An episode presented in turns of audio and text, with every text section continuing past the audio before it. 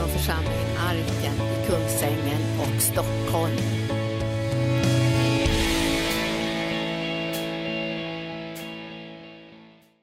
Och vi välkomnar dig helige Ande att fara fortsätta ditt verk med uppenbarelse. Genom din närvaro så kan vi förvänta oss att vi ska kunna se och förstå och tro de ord som du talar och ta det till oss, allt det som du har lovat och allt det som du verkar så att ditt rike kan utbredas i och genom oss. Vi är här för att bli verkligt laddade och rustade för att frimodigt föra ut evangelium och bygga Guds rike. Vi är här för att kunna se det som är, egentligen är fördolt men som du uppenbarar för oss därför att vi nalkas dig i den heliga Andes kraft. Vi prisar och tackar dig Herre för att det här blir en uppenbarelsestund då vi kommer att se tillsammans med dig på ett sådant sätt att vi inte längre kan stå still eller, eller fortsätta liksom att bara sitta och fundera på saker utan vi har blivit utsända utav dig och vi är utsända för att föra ut evangelium om Jesus Kristus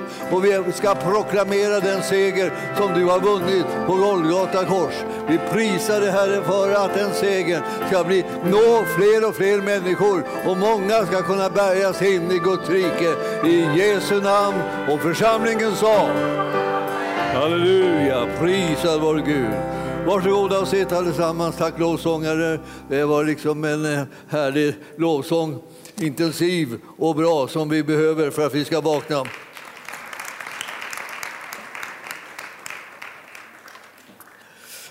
Ja, den största anledningen till att prisa Gud och ära honom är ju att han är uppstånden ifrån de döda. Om inte han hade uppstått från de döda, då vore vi de mest beklagansvärda människor som har gått och inbillat oss att han har uppstått från de döda. Om han inte har gjort det så ska vi inte hålla på med det här. Men har han gjort det, ja, då är det det mest revolutionerande som finns någonsin att tänka sig. Vi, alltså, Jesus har uppstått ifrån de döda. Han har besegrat döden. Det betyder att det finns en evighet och det finns en himmel och det finns en, plats för dig och mig så att säga, där vi kan känna oss absolut trygga, både så att säga, när vi vandrar här på jorden men också när vi tänker på evigheten. För evigt liv har blivit vår arvedel. Och det, är att det här budskapet om detta är det viktigaste budskapet som överhuvudtaget har predikats. Och det är ett budskap som har framburits av alla lärjungar på olika sätt och, på, och i olika, med olika uttryck. Men jag tänkte att vi skulle starta där liksom rakt på det här i själva kärnan, liksom det här med Jesu uppståndelse. För att det, vi, vi går till Johannes evangeliet och så tittar vi där i 20 kapitlet eh, som handlar om den tomma graven och som handlar om att eh, Jesus uppenbarar sig eh, för eh, Maria. Först Maria från Magdala alltså och hon får en uppenbarelse eh, av liksom Jesu närvaro. Hon ser honom och hon talar med honom och hon får ett uppdrag att gå med det budskapet om att han är uppstånden från de döda. Och hon ska gå till de övriga lärjungarna och eh, undervisa om det här och tala ut det, det som Jesus har sagt och ge instruktionerna. Det här är begynnelsen till liksom det Guds nya liksom liv som han erbjuder oss att leva. I tron på att han har besegrat döden, i tron på att han har uppstått ifrån de döda, i tron på att det är han som är den som skulle komma. Det är han som är Messias, den levande Gudens son. Ni vet att Petrus han har ju liksom fått liksom en, en glimt av det där liksom och, och, och ropar ut den bekännelsen som, som övergår allt förstånd. Alltså han satt inte och grubblade och så kom, så kom han fram till det. Utan det var bara small bara till i, i skallen på honom eller var det var någonstans. I hjärtat hoppas jag plötsligt när jag tänker på det. Det, det var liksom, då, då uppenbaras det vem Jesus var. Så han sa det bara. Och, så, och, då, och då fick han höra från Jesus att det här, det här är inte någonting som har, du har suttit och kläckt ut själv av kött. Det här, här inte, kommer inte från köttet utan det här kommer som en uppenbarelse från himlen himlen. Det här, är liksom ingenting mer än helt övernaturligt, att vi får syn på det som är den verkliga sanningen, den som ska förändra människors liv. När, man, när, vi, när vi har namnet Jesus ibland oss och när vi lyssnar till honom och när vi ser på hans liv så kommer vi att komma in i det rike där som, alltså som inte har någon gräns. Det är rike som är uppen, uppenbarat genom, genom den gärning som Jesus gjorde på korset och, där, och sedan vid uppståndelsen. Ingen eh, hade väntat sig det där.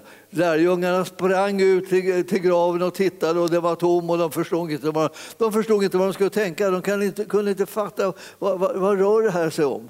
Och så till slut så bara så eh, liksom, liksom gick de tillbaka den ena efter den andra och, undrande över vad är det som har hänt. Den som stannade kvar där det var Maria från Magdala. Hon, hon, hon var så bedrövad, hon bara grät och så stod hon där vid graven. Och, och plötsligt så, så får hon ett möte med någon. Eh, hon tänker att det här är väl bara någon liksom, trädgårdsmästare. Liksom så. Men, men eh, det visar sig att det var Jesus själv som uppenbarade sig för henne. Och han tog henne i, i tjänst för att liksom ropa ut till lärjungarna så starkt som möjligt att nu var Jesus den uppståndne. Nu var han den som, som, hade, som hade eh, besegrat döden. Nu var han den första bland dem som skulle uppstå ifrån de döda. Och ni vet att eh, när vi, vi läser här i 20 kapitlet och så läser vi eh, om, om Visserligen var det så här att de, de lärjungarna hade hört att han skulle uppstå från de döda, men de kunde inte tro det. Och här i nionde versen så står det, förut hade de nämligen inte förstått skriftens ord, att han måste uppstå från de döda. Varför måste han uppstå från de döda? Så. Ja, alltså om inte Jesus uppstod från de döda, då var det vi, då var vi var det ute med oss. Nu uppstod han från de döda. Och ni kommer ihåg att liksom Graham Power han brukar alltid säga eh, Res dig upp i uppståndelselivet. Ja, Res dig upp i uppståndelselivet. Vad är det för liv? Det är livet efter uppståndelsen. Alltså det livet som ligger efter där, det är det vi ska resa oss upp i. För nu ska vi leva så säga, som de som har besegrat döden. Därför att vi har fått det av vår Herre. Han har utverkat det för vår räkning. Jesus står det så här i, i när Maria kommer till elfte versen. Maria stod där utanför graven och grät. Och medan hon grät så lutade hon sig in i graven och då fick hon se två änglar i vita kläder eh, eh, sitta där och, och där Jesu kropp hade legat. Och den ene vid huvudplatsen och den andra vid fötterna. Och de sa, kvinna, varför gråter du? Hon svarade, de har tagit bort min herre och jag vet inte var de har lagt honom. Och när, när hon, hon, hade sagt det så vände hon sig om och så fick hon se Jesus stå där. Men hon förstod inte att det var han. Och Jesus sa till henne, kvinna varför gråter du? Vem söker du? Hon trodde att det var trädgårdsmästaren och sa till honom, Herre, om det är du som har fört bort honom så säg var du har lagt honom så att jag kan hämta honom. Jesus sa till henne, Maria, då vände hon sig om och sa till honom på hebreiska, Rabuni, det betyder lärare. Jesus sa till henne, rör inte vid mig, jag har ännu inte farit upp till Fadern. Men gå till mina bröder och säg till dem att eh, jag far upp till eh, min fader och er fader, till min Gud och er Gud. Och Maria från Magdala gick då och berättade för lärjungarna att hon hade sett Herren och att han hade sagt detta till henne. Det är mycket som står i den här texten och det är så mycket som man behöver tänka på. Men det, det är, liksom, det är sån här suverän, en suverän stund av, av liksom utväljande. Han, Jesus, som inte gjorde skillnad på människor. Han som behandlade alla lika, oavsett vilka de var oavsett var de kom ifrån, oavsett vilken ras eller vilken, vilken social ställning de hade, oavsett kön och allting. Jesus behandlade dem lika. Alltså han, var, alltså, han var suverän på det och plötsligt så måste han känna så här. Den här viktigaste stunden, som var den uppståndelse vittnesbördet, det valde han att ge till Maria att gå och vittna om det för de andra lärjungarna. Och då, då är det så där att det, man tittar på det här, oj, vad, vad, säger han för någonting egentligen? Vad säger han till henne? Han säger så här till henne, alltså, gå till mina bröder och säg till dem att jag far upp till min fader och er Så här. Vad gjorde Maria då? Maria från Magdala gick då och berättade det för lärjungarna. Ja, ja vad är det med det? Jo, det verkar som att när Jesus säger gå och berätta det för mina bröder så hör hon vad han menar och så går hon och berättar det för lärjungarna. Bröder, lärjungarna. Bröder, lärjungarna. Alltså, bröderna var lärjungarna. Vilka var lärjungarna? Visst, men vilka var bröderna? Mm. Om vi tar ett snäpp till liksom, så tänker man tänka sig, ska vi gå vidare då? Liksom, att inte, så att vi inte bara liksom går fram och tillbaka, bröder, eh, lärjungar, bröder, lärjungar. Utan vilka, och sen då? Och vilka av er är det som är lärjungar? Va? Vilka är det som är lärjungar? Vi. Vi. Det finns alla möjliga händer som kommer upp och det finns alla möjliga händer som inte kommer upp. Är, är, ni lärjungar? är ni Jesu lärjungar eller vad är ni för några? Några stycken. Det är ju inte särskilt svårt att bekänna att man är Jesu lärjunge bland Jesu lärjungar.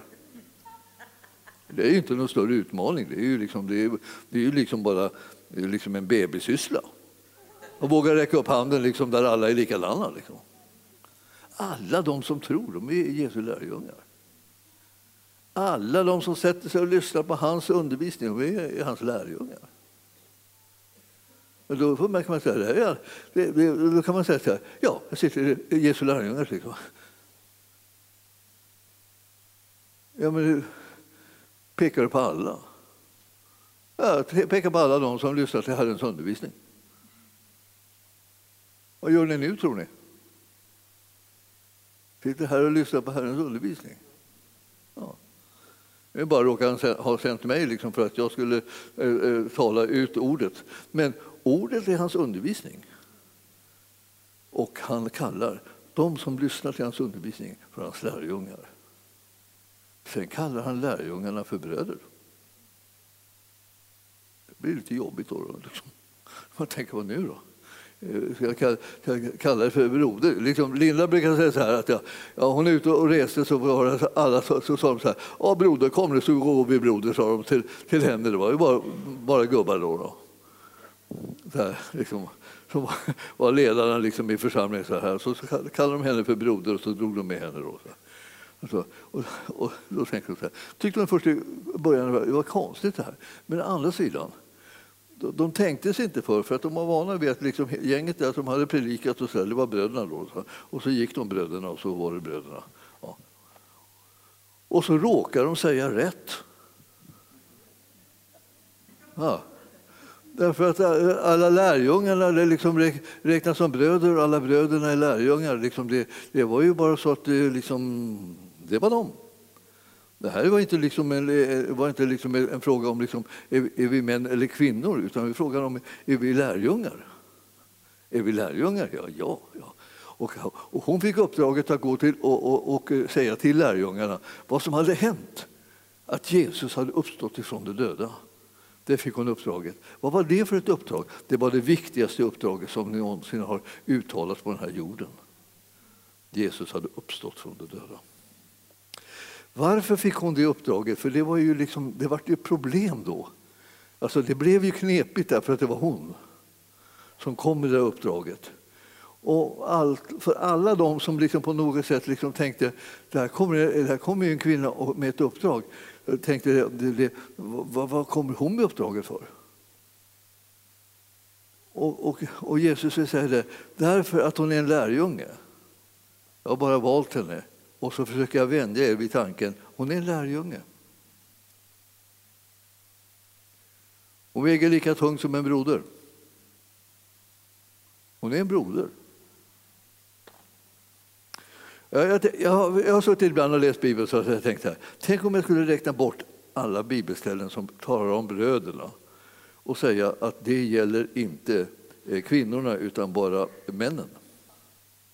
Vilken konstig Eh, liksom, budskap som blev kvar. Alltså till kvinnorna, om det inte var så att de också liksom räknas bland bröderna. Och de också räknas bland lärjungarna. Alla som lyssnade på honom räknas bland lärjungarna. Hur var det ja, med Magdalena, Maria Magdalena så det, hade man vant sig vid att, faktiskt, att de var en sån där som, som eh, var bland lärjungarna. Hon tillhörde de där som liksom hade satt sig vid hans fötter. Och, när man, och, och, och ni kommer ihåg Maria som var där i, i eh, Betania. Ta, ta en, liksom en liten titt på henne. Eh, hon, hon i Betania. Hon, hon, hon i Betania. Liksom. Det var där, så Marta och Maria. Va? Det, det, är det, det, det är kapitel 10 i Lukas evangelium. Där står det så här ifrån 38 versen. Så här. Medan de var på väg eh, eh, så gick Jesus in i en by och där en kvinna som hette Marta tog emot honom i sitt hem. Och 39 versen. Och eh, hon hade en syster, Maria, som satte sig vid Jesu fötter och, lyssnade till hans ord. Och då betyder det inte bara det att hon bara liksom råkade sätta sig där, utan det betyder det liksom att hon, att hon, hon eh, intog den platsen som alla lärjungar gjorde, nämligen att sätta sig vid Mästarens fötter. Och där satte hon sig. Och Marta hon var ju helt upptagen med allt det här andra som skulle ställas i ordning. Och hon gick fram till Jesus och sa, Herre bryr du dig inte om att min syster har lämnat mig ensam att sköta allting? Säg nu till henne att hon hjälper mig. Och Herren sa, Marta, Marta, du gör dig bekymmer och oro för mycket. Det är bara ett som är nödvändigt. Maria har valt den goda delen och den ska inte tas ifrån henne. Vad är den goda delen? Aldrig bara sätta sig ner och vara en Jesu lärjunge och sätta sig och lära av Mästaren vad det är han vill undervisa. Hon gjorde det. Jesus sa, det får hon. Det är till och med det bästa val hon har gjort i hela sitt liv. Och vi ska säga att eh, vi har anledning att vara oerhört glada över att så många eh, kvinnor nu för tiden ändå sätter sig vid Jesu fötter och eh, frimodigt lär sig av honom. Vilken, vilken, vilken, vilken strålande idé, rakt emot all tradition. Jag skulle säga det att du, om, du, om du vill om du vill verkligen liksom bry dig om hur det går med Guds rike så lägger du undan alltså såna här idéer om att du liksom bara, eh, bara ett, ett kön egentligen ska kunna få ha inflytande över eh, utvecklingen av det som sker i Guds församling eller Guds församlingar. Utan det är alla människor som tror på Jesus som har rättighet att sätta sig vid Jesu fötter, lära sig av honom och följa honom och göra hans övernaturliga gärningar. Jag, när jag, en gång så sa någon till mig så här, ja Jesu ministry, det var ju... Så tänkte jag, så här, ministry? Kan vi inte säga Jesu ministry heller? Vad är det för något prat? Liksom så här, ja, Jesu ministry. Ja, vad, vad, vad, var det med, med, vad ville de säga med Jesu ministry? Ja, de vill säga det bara, jag ska påminna om att de som finansierade det. Man tänker finansierade? Nu får det väl ändå vara nog. Liksom. Jesus han gick väl liksom där övernaturligt och, och liksom, han blev väl aldrig riktigt hungrig och, och blev han hungrig någon gång så gjorde han väl själv liksom lite mat liksom, vad som helst. Det, det, var ju, det var ju han som var suverän på det. Men så säger han, ja, det var någon som finansierade Jesu tjänst. Vilka var det? Ja, det, var, det var mängder med kvinnor som följde Jesus som hade resurser och finansierade hans arbete. Man kunde tänka sig det, det, det, står ingenstans, vill någon säga. Då. Det, det finns inte någon sån. Det, det, det, står inte. Och då hör man liksom desperat en liten annan liten röst som säger det får inte stå. Det får inte stå. Det, står, det står inte, det får inte stå. Ja, men så det, det står. Va? Så Det, det här, det här jag gillar sånt här. Alltså, när jag lade märke till det här tyckte jag var, det var rent skakande. Liksom. Jag tyckte, vad, vad i all världen, var kommer alla de därifrån? Här har, här har man varit verksam liksom och förkunnat i, i åratals, åratals, åratal och inte sett röken av en enda finansiär. Alltså, ja. eller så kring Jesus. då. Men, och plötsligt så, är det, så dyker det upp liksom en, hel, en hel skock. Alltså de vandrar med Jesus för att finansiera liksom verksamheten. Vilken jättebra idé! Hallå kvinnor! Vilken bra idé! Ja. Jag kan finansiera verksamheten. Ja. ja, eh, jag hoppas många kommer på det. Ja, så får jag, får jag göra det? Ja.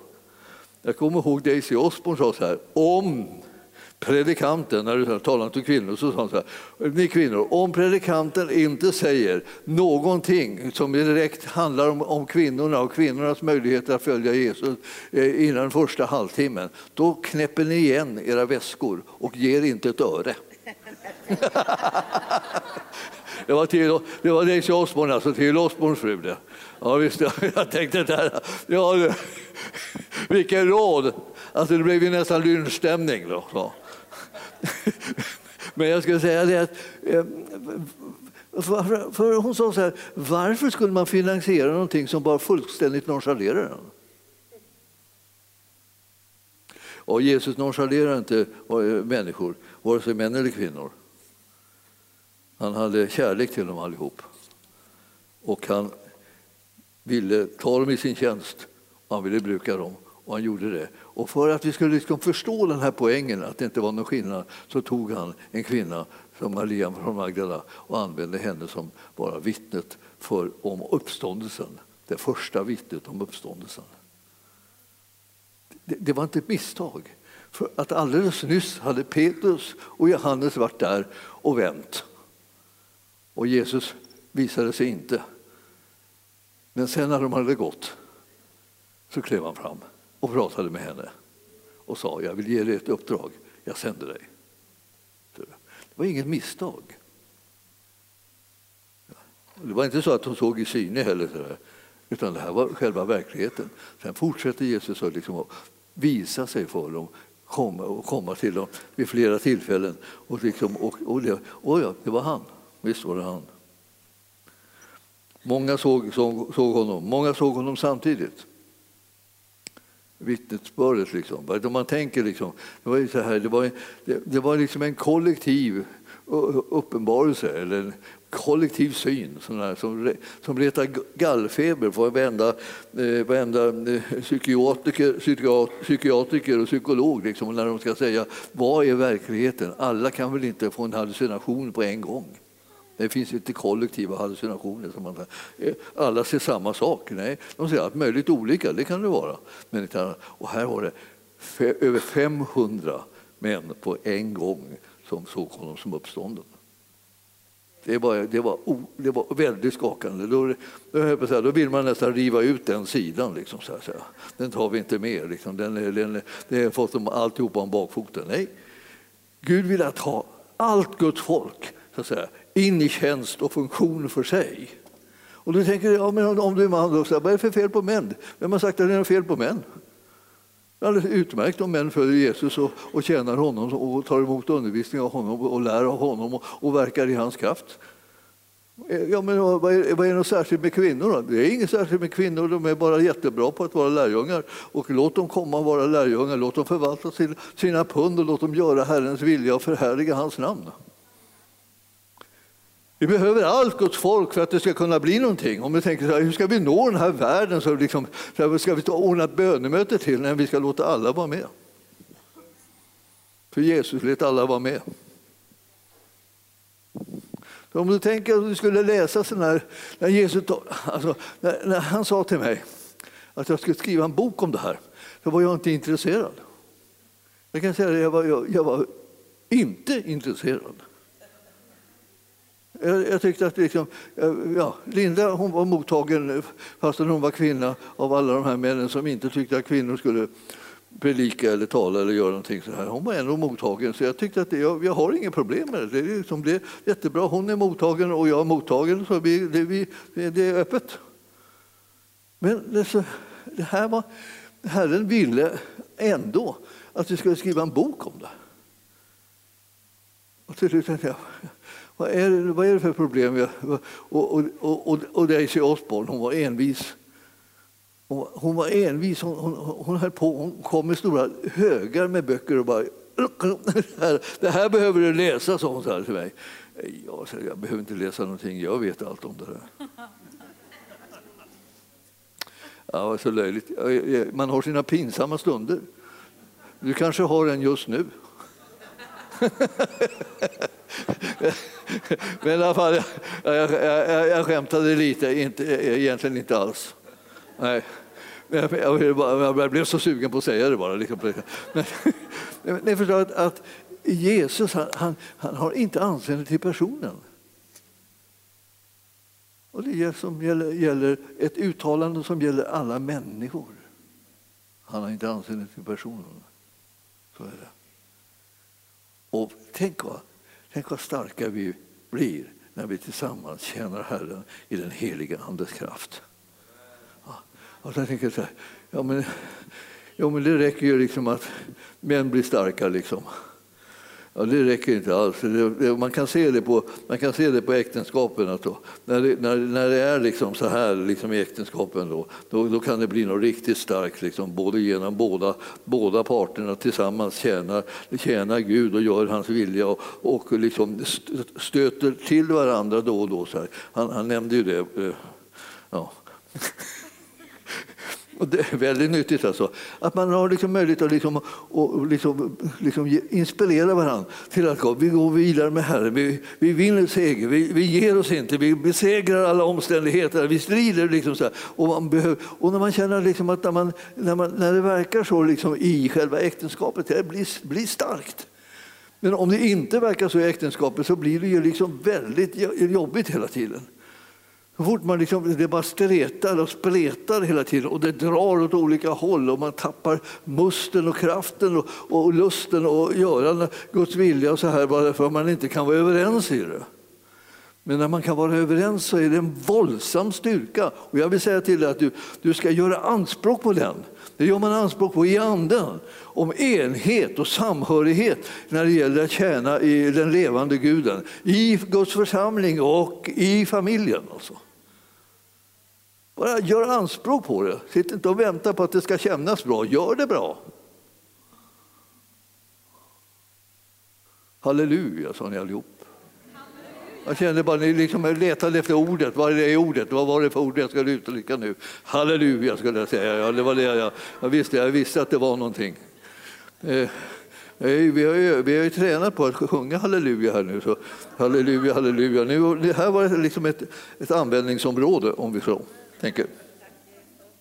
Ja, ni förstår att, att, att det här med liksom att det, Maria från Magdala hon, hon, hon, berättade för lärjungarna att hon, att hon hade sett Herren och han, att han hade sagt det. Och, så, och sen på kvällen, samma kväll, den första veckodagen och så var lärjungarna samlade bakom låsta dörrar av rädsla för judarna. Alltså nu, de var fortfarande liksom fokuserade på liksom allt som man kunde vara rädd för. Man kunde vara rädd för allt mellan himmel och jord. Så.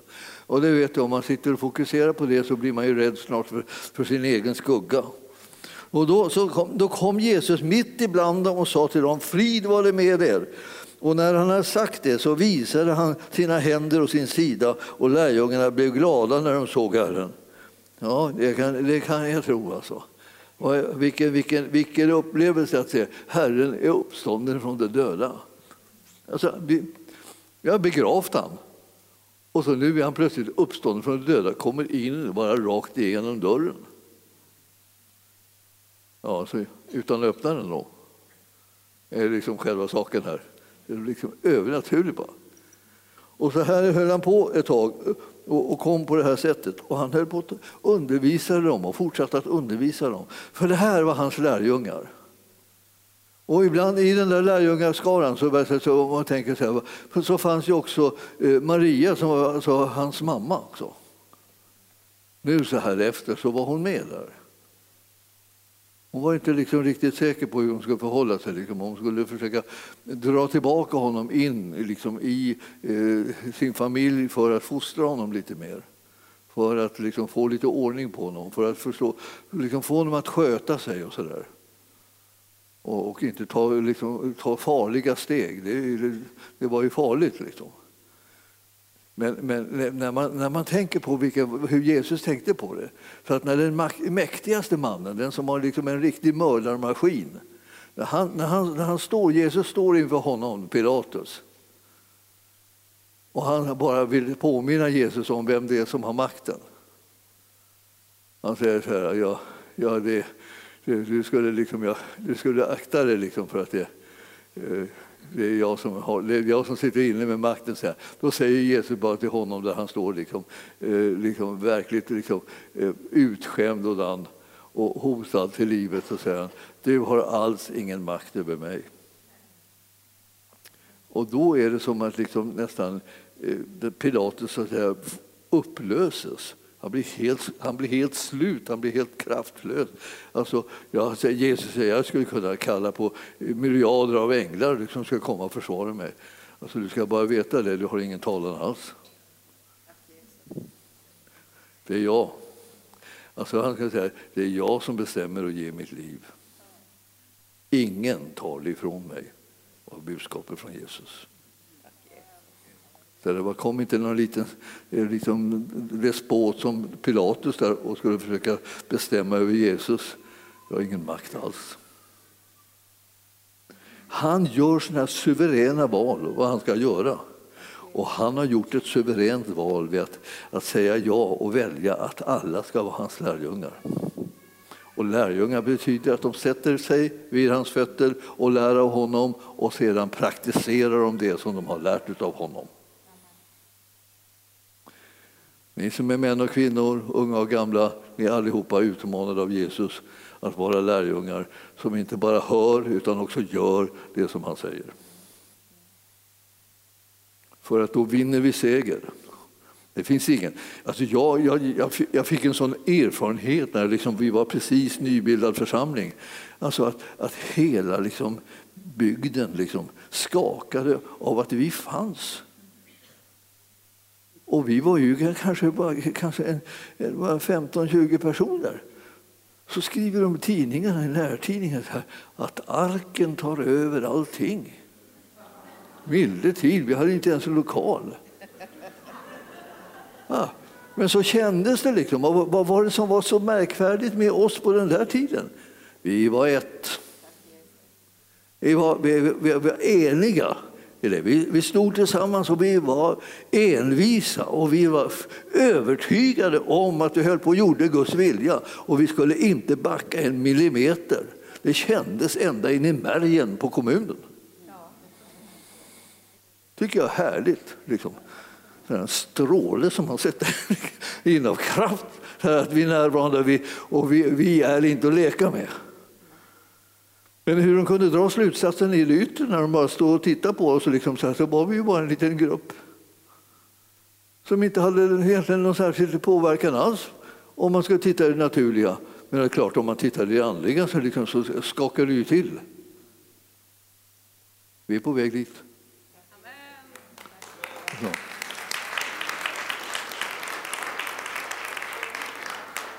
Alltså, jag börjar få en sån här förnyad övertygelse om att vi kommer vara övervinnarna i, vår vandring när vi följer Herren. Män och kvinnor, unga och gamla tillsammans ska vara oförskräckta och göra Herrens vilja. Vi ska se hur segern vinns när man litar på honom som har övervunnit döden. Ja. Tänk på det. Det känns härligt. Man, man, man, man vädrar morgonluft. Ja, halleluja. Ja, jag hade, jag hade några andra sådana bra versar här, men jag vet inte riktigt. Liksom, det, det, det känns som jag håller på och eh, eh, får tag i era hjärtan. Alltså, jag vill liksom att ni ska, vara liksom, ni ska bli vilda och trosvissa. Och ni ska liksom känna på att det här milde tid vi genomför det. Vi fullbordar loppet. Vi, vi tar, intar landet. Och så alltså det, det är något sånt här, man känns som att, ja, halleluja, men, come on. ja, alltså, varför eh, skulle vi vara rädda för någonting när Jesus inte är rädd för något? Varför skulle vi vara så försiktiga? Liksom försiktiga? När liksom vi, vi, vi, kan vara fullständigt orädda. Det är, väl, det är väl inte försiktighet som har gjort att evangelium har spritts i världen. Det är frimodighet och tro som har gjort det. Och så är det kärlek till människor som har gjort det. Vi ska inte vara dumma, men vi ska vara starka. Halleluja, ja, visst. Bara dra det till er och tänk så här, det ska vi vara. Alltså. Det är vad vi ska vara. Vi, vi, vi viker inte för något, vi ger oss inte. Vi, vi har ett uppdrag ifrån Herren. Jag tänker på liksom den här Maria från Magdala, liksom, när hon plötsligt så fick, blev hon utsänd av Jesus att gå till sina mm, manliga kollegor här och, och säga jag har sett Jesus. Alla har varit och stuckit in i huvudet där i graven och, och sen kommit tillbaka och vittnat, jag vet inte vad som har hänt, jag förstår inte, han är borta. Liksom. Och sen kommer hon. Ja, jag, jag pratade med honom just och så här. Alltså, det var liksom en aning liksom, eh, känsligt då. då. Ja, men vi var ju där, varför, varför pratar han med dig och inte, inte med oss? Och så där kunde man hålla på och tjata. Ja, liksom, vilka, ställ inte sådana pinsamma frågor, du kan få pinsamma svar. Har du tänkt på det någon gång? Man får akta sig för att ställa pinsamma frågor. Man, svaren blir pinsamma också. Han tyckte alltså att de hade inte kommit där än att de förstod att liksom kvinnorna de kvinnliga lärjungarna de skulle räknas lika mycket som män. Och därför så lyste han på en och använde henne på ett sånt här fantastiskt sätt liksom, när det gäller uppenbarelsen om uppståndelsen. Och, och de lade märke till och de försökte liksom tänka, tänka åt olika håll här för att se om de kunde komma undan det här. här. Men det kunde de inte. För de visste ju liksom att han hade, han hade, han hade sagt till Maria, liksom, hon var den goda delen när hon slog sig ner där och var en av lärjungarna som tog emot undervisning. Och Jesus undervisar inte folk för att de inte ska göra det han säger, utan han undervisar dem för att de ska göra det han säger. Alla lärjungarna, tjong, det är bara liksom, självklart att de ska göra vad han säger. Han står inte, han står inte nöjd, jag är glad om jag får undervisa er. Det gör ingenting om ni struntar i att göra vad jag säger. Det gör ingenting. Jag blir inte ledsen för det. Så där håller inte han på. Det är möjligen vi som kan börja, säga så här, ja det räcker ju liksom att vi ändå får säga det här. Det räcker inte alls. Vi ska inte bara vara de hörarna, vi ska vara görarna utav, utav Guds ordet. Det vet ju vi utan till och innan till och allt på allt sätt att vi har fått ett uppdrag som vi ska frimodigt genomföra. Därför så tar Jesus människorna i sin tjänst. Han kallar på dem och de bryter upp och de följer honom. Och jag känner att, liksom att vi har lite säga, uppbrott och, och, och, tänka in i, oss in i. Så att säga. Vi tänker att det, det, är faktiskt så att vi måste helt enkelt ta steg ibland som det innebär att vi lämnar saker och vi släpper grejer som har kommit, kommit i vägen, sånt som hindrar oss, som, som liksom sinkar oss och som håller oss tillbaka. Så att vi liksom tänker nej, jag vågar inte, jag orkar inte, jag kan inte, det, det, det går inte. Liksom och så här. Och så tänker vi så här, vad är det? Är det så som Jesus tänker liksom, att du ska reagera på den undervisning han ger? Knappast knappast. Han säger kom och så är det du som svarar jag kommer, jag kommer. Ja, visst. Varför skulle du svara något annat? Och om du får en kallelse från honom som är den mest fantastiska frälsare och herre som finns i den här världen och i evigheten. Här är jag. Tänk dig de här som säger herre, herre, här är jag, använd mig. Du har säkert hört till dem som har råkat nämna det till Herren en gång. Och då tänker när du har sagt det så är själva samtalet över. Men det, du inbillar dig bara det. För samtalet är inte över. Utan när, när du har sagt, här är jag, använd mig. Då säger han, kom då. Ja, men, ja, men, och då börjar du liksom kanske tänka liksom invändningar och sådär. Liksom, det är så mycket som, som är i vägen. Ja. Det finns en anledning att bry sig om det som är i vägen. Jag tänker, det, här, det, här, det här är ju pressande, det kan inte vara Jesus. Känner man sig pressad? Nej, man känner sig pressad därför att man liksom är, liksom är kluven. Vi måste tro att Herren kan ena sin, sitt folk till en enda liksom, kropp som fungerar för honom. Så att han, det han säger kommer han också att kunna få göra genom oss. Han är liksom på väg att liksom sporra oss till att våga stå till förfogande för honom istället för att säga eh, hur många olika saker som, som kan hindra att vi kan just tjäna honom. Och vi, vi har det si och vi har det så och vi har det där. Och det är därför som vi inte kan. Låt det liksom pressas lite, det gör ingenting. Efter tre så eh, ger du efter för Jesus och då får du vara med om det viktigaste och härligaste i ditt liv någonsin. Du har redan smakat egentligen gemenskapen med honom. Jag tror att du skulle vilja ha mer. Jag känner, jag känner på det här så tänker jag, jag vi, vi tar mer. Vi gör det ännu, vi gör det ännu mer. Vi liksom hänger oss till det här ännu starkare än vad som har skett tidigare. Och så skulle jag vilja, jag ska avsluta med det för att klockan är någonting, jag ser inte vad den är, men det, det, den är säkert någonting. Okej, okay. då, då, då, då, avslutar jag med att läsa. Jag ska läsa Rom, Roma, Romarbrevet 16. Det har alla längtat efter.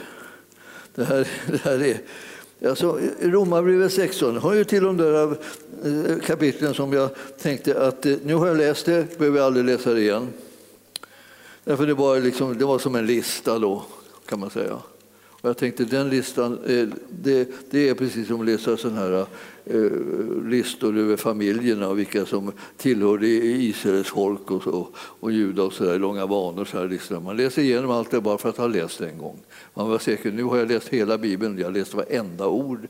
Och jag brukar säga liksom, jag har läst om varenda gubbe som föder hit och föder dit. Väldigt intressant vad, vad de är produktiva de här gubbarna. Det är ett födande utan like. Intressant. Ja. Ja. Nåja. Eh, 16 kapitlet. Ni förstår att eh, Paulus som, som med eh, orätt liksom alltid har hållit på och beskrivits som någon slags kvinnofiende. Eh, liksom.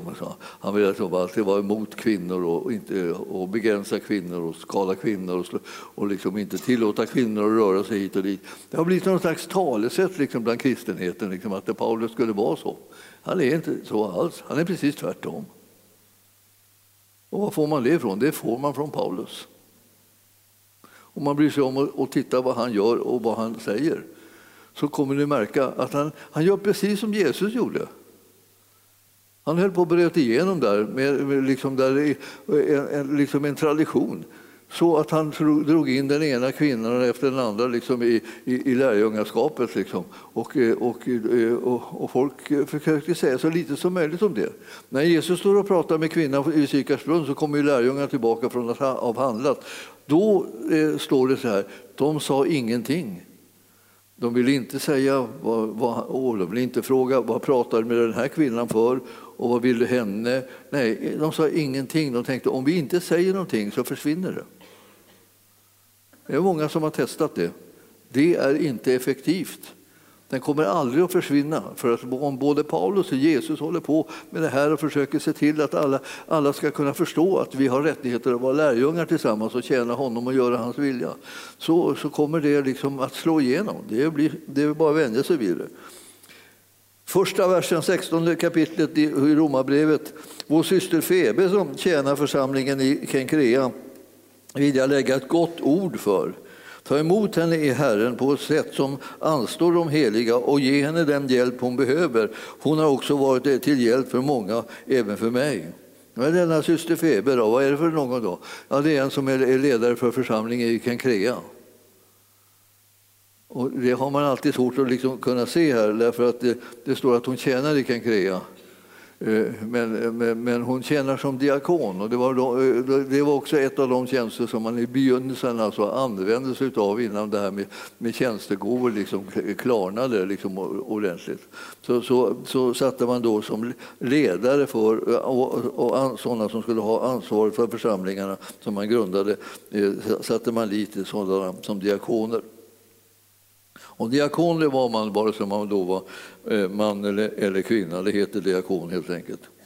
Ta emot henne i Herren på det sätt som anstår de heliga. De ska liksom ta och serva henne och hjälpa henne helt enkelt med det hon behöver.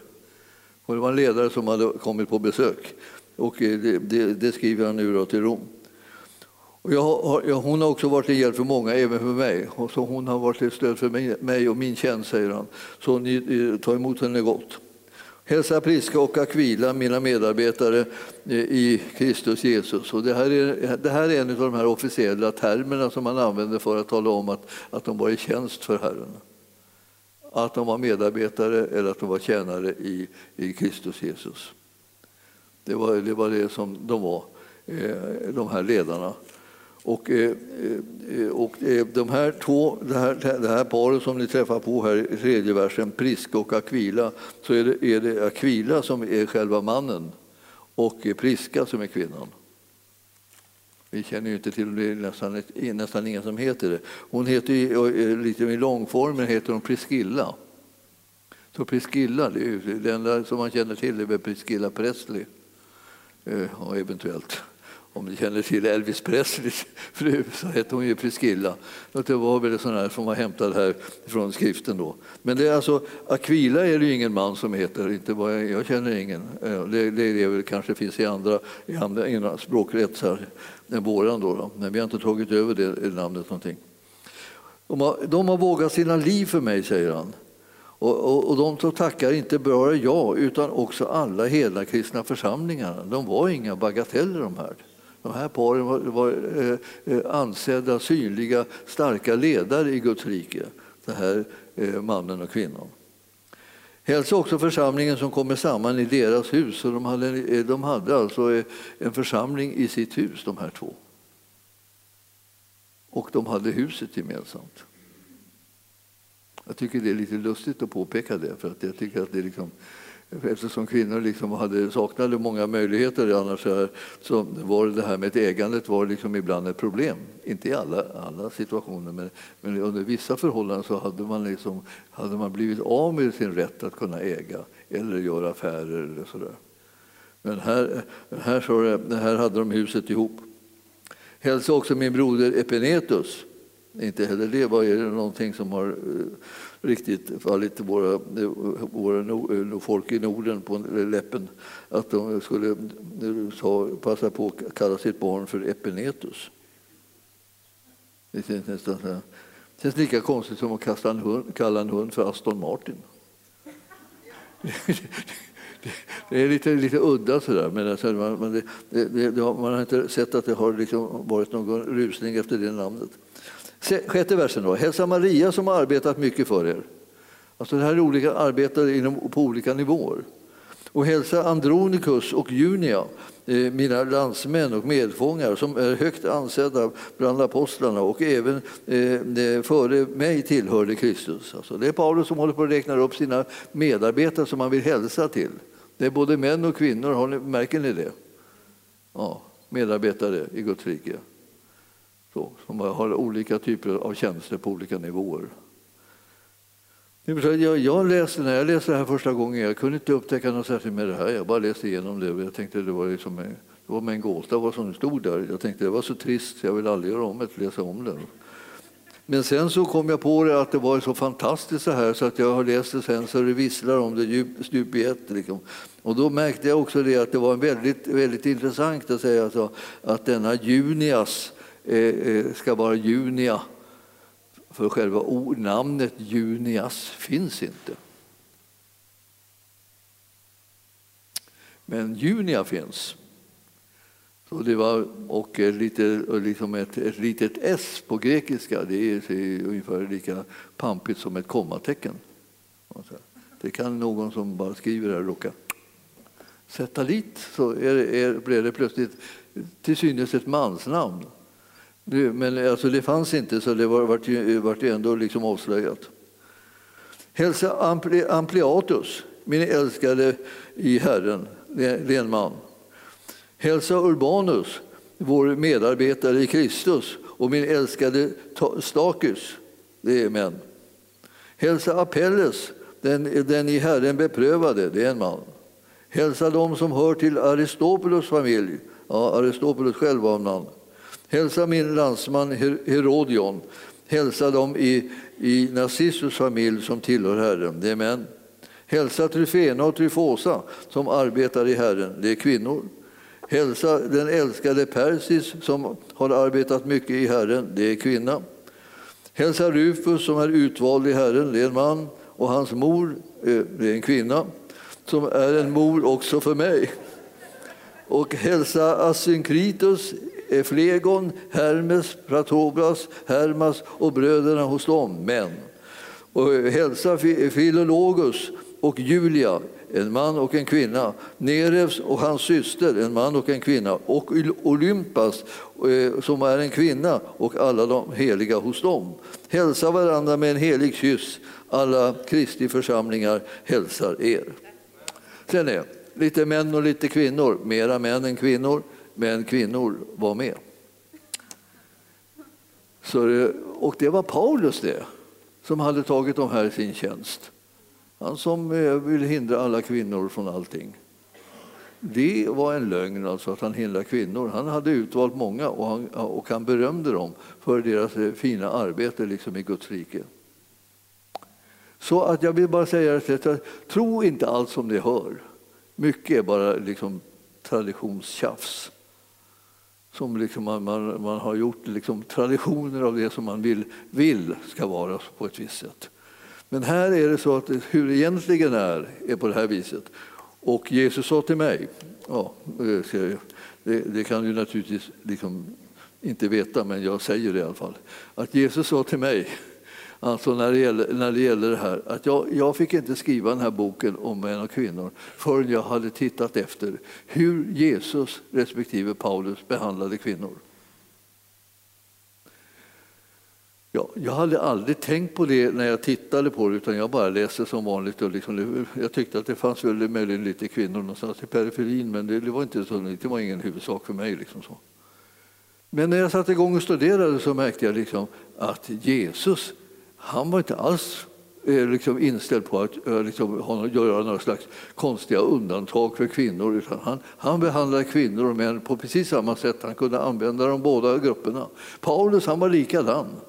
Att det inte var så många ännu, det var inte så konstigt för det var inte, fanns inte så många kvinnor som egentligen sprang ute någonstans. Alltså, det var ju inte samma rörelsefrihet vad ska jag säga, för, för kvinnorna som för männen.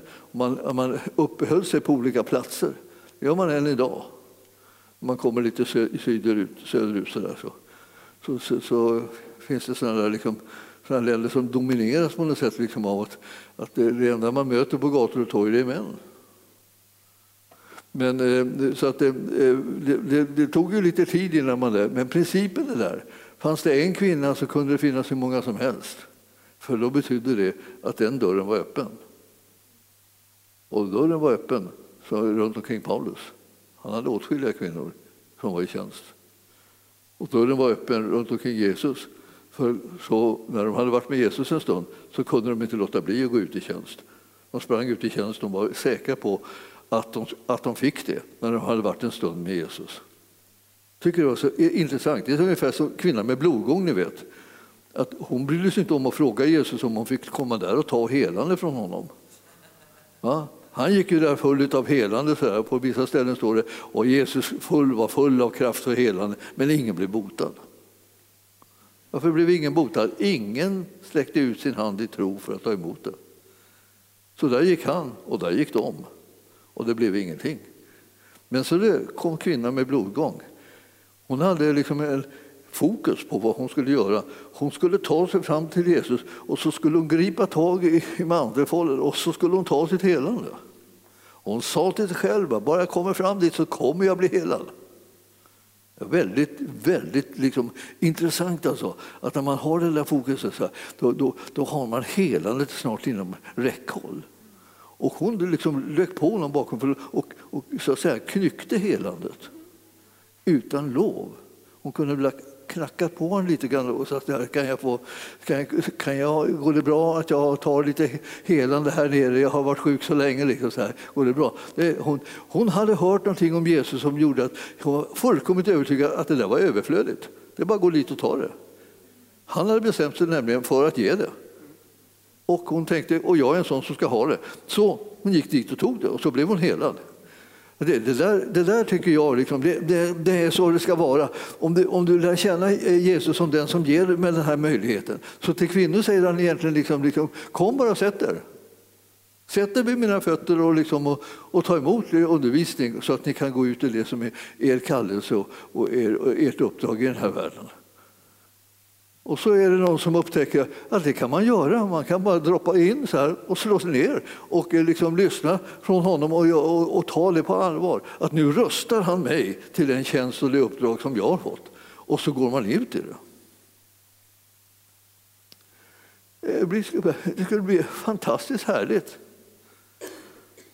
Alltså, eh, Herren gav mig ett ord, liksom, ja, nu, nu kommer jag in på liksom, Herren ger mig ett ord, liksom, men han gör ju det ibland, alltså, som har ändrat hela mitt liv. Men han sa till mig, genom starka kvinnor ska huset uppbyggas. Hur i all världen ska de bli starka om de inte får lyssna på Jesu undervisning?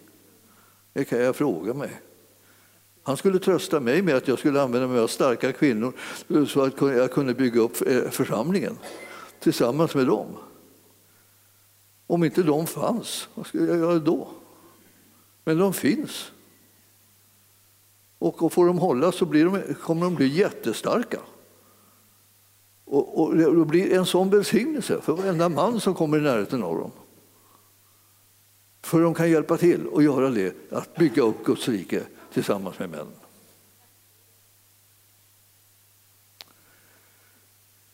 Ja, eh, så jag vill avsluta med att säga, var frimodiga och ta det här till er, både män och kvinnor. Männen ska inte liksom tro att de kommer att bli starkare om de hindrar kvinnor och eh, kvinnor ska inte tro att de, att de blir mer omtyckta om de liksom är, verkar, verkar liksom svaga och eh, liksom i behov av hjälp och stöd. Utan de ska vara frimodiga att tjäna Herren i den heliga Andes kraft. Det är attraktivt så det står om. Det är härligt alltså, när man kan liksom komma in i gemenskap med, med Gud och, och tjäna i den heliga Andes kraft. Så eh, använd er av de här möjligheterna. Det här, det här lilla stycket som jag nu har talat till er om handlar om upprättelse. Upprättelse av relationerna så att de sker på lika villkor med, och de sker i den heliga Andes smörjelse. Herren har sänkt sin ande över allt kött och det beror på att han vill att alla människor ska tjäna honom i den heliga Andes kraft. Det är ingenting som du ska avstå ifrån. Det är någonting som du ska ta till dig oavsett vem du är. Så eh, gör det. Amen.